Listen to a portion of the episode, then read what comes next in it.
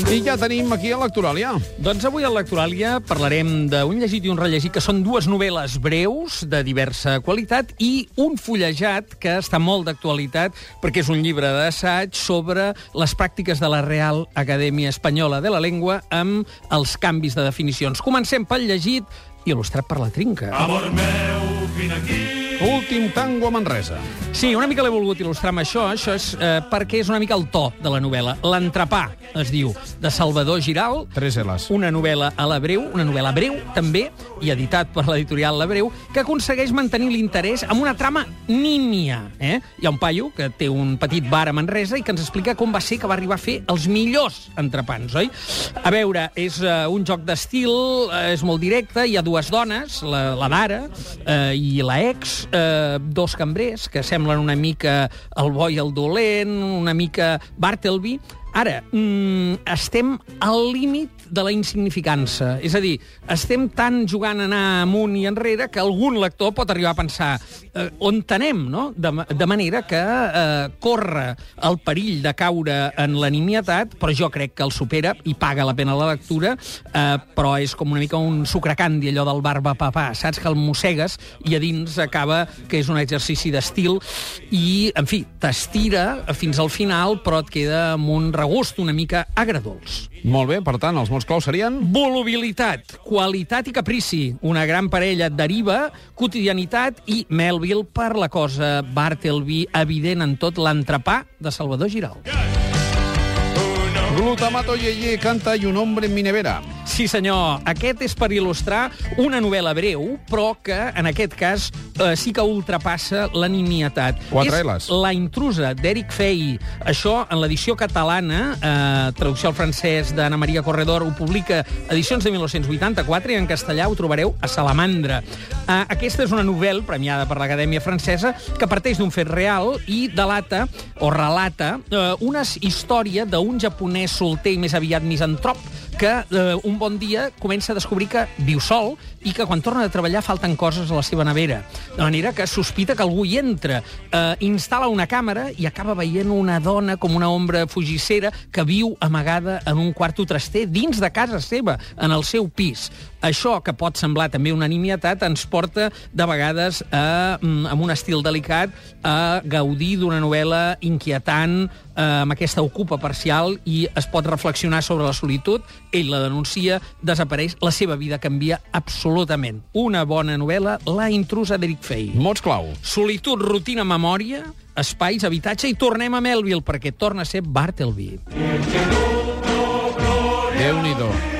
Arribarem a les 11 escoltant el himno de la Guàrdia Civil por la banda de l'Acadèmia. Sí, senyor, és per parlar del Dardo en l'Acadèmia. I què és això del dardo en l'Acadèmia? Aquest és un estudi de dos volums que ha estat molt silenciat en àmbits acadèmics, que ja fa, va sortir fa més d'un any i mig, i en el qual s'avancen coses que aquests dies s'estan veient, com és que s'estan revisant les definicions de la Real Acadèmia Espanyola de la llengua de, re, definides amb paraules clau. Ens ho denuncies després de les notícies de les 11.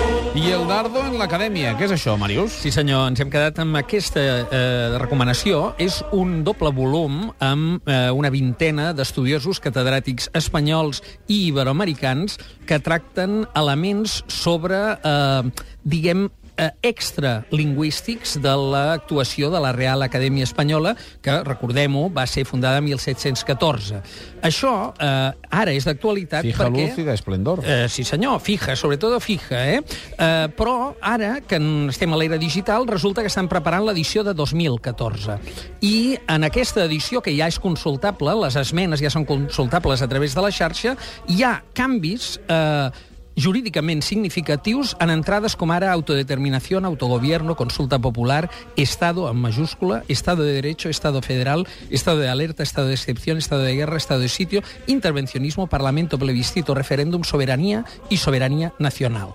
Això que ara els mate les dues editores d'aquest eh, mm, doble volum, la Sílvia Sens i la Montse Aberte, estan divulgant en articles diversos, eh, ja estava anunciat en el propi volum amb amb altres temes que ja havien portat una certa polèmica. Per exemple, la redefinició de nacionalitat i no de nació, que va ser utilitzada en, pels juristes en la el debat. Eh, eh, I en el debat eh, de, Sí. del Tribunal Constitucional. Per què? Perquè la Real Acadèmia Espanyola de la Llengua i el seu diccionari és referencial per a tots els tribunals espanyols com a font última quan un concepte una mica abstracte eh, queda en discussió. Anem a veure què està passant. Jo voldria dir, de tota manera, que eh, el director de la Real Acadèmia Espanyola de la Llengua, el doctor Blequa, mereix tot el meu respecte. És un eh, grandíssim eh, intel·lectual que ha dedicat la seva vida a la llengua, que és recentment, és recent el seu nomenament com a director, no així l'anterior director, Víctor Fernández de la Concha, actual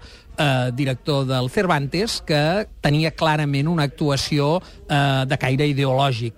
Ara bé, hem de recordar que eh, a l'Estat, el Consell d'Estat, el Consejo de Estado, eh, un dels seus membres, Nat, és el director de la Real Acadèmia, i mm, fa tot l'efecte veient això i llegint, diguem, els estudis d'aquests catedràtics, que no estem parlant, diguem, de, de tertulians ni gent de la brega política, que aquí hi ha una acció eh, orquestrada que està clarament eh, marcada i, per, per últim, només per posar un detall de l'abast del que pot significar això, dir que algun d'aquests canvis poden xocar amb constitucions de països com Venezuela i México que, segons eh, es marca, acorden 22 Reales Acadèmies de la Llengua Espanyola de tots aquests països acorden amb la Real Acadèmia Espanyola de Madrid tots els canvis, no? Doncs bé, el canvi d'Estado, la definició d'Estado federal, xoca perquè ho han posat en majúscula i aleshores vol dir estat sobirà mm -hmm. i voldria dir un estat confederal, xoca amb la legislació actual de Mèxic i de Venezuela. Doncs per passa. tant, seria molt curiós eh, saber què opinen membres d'aquells països d'aquests canvis, que de moment, val a dir-ho, són digitals i es poden consultar a la web com a esmenes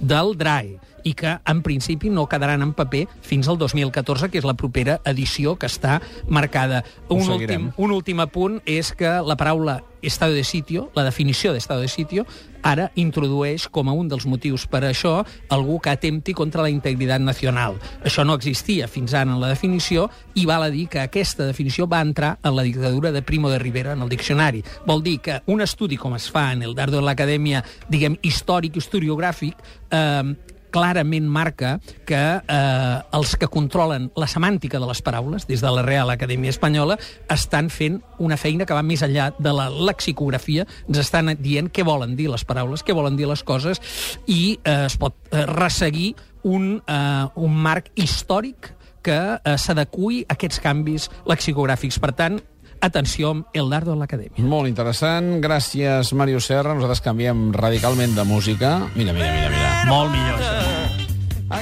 Juan Perro.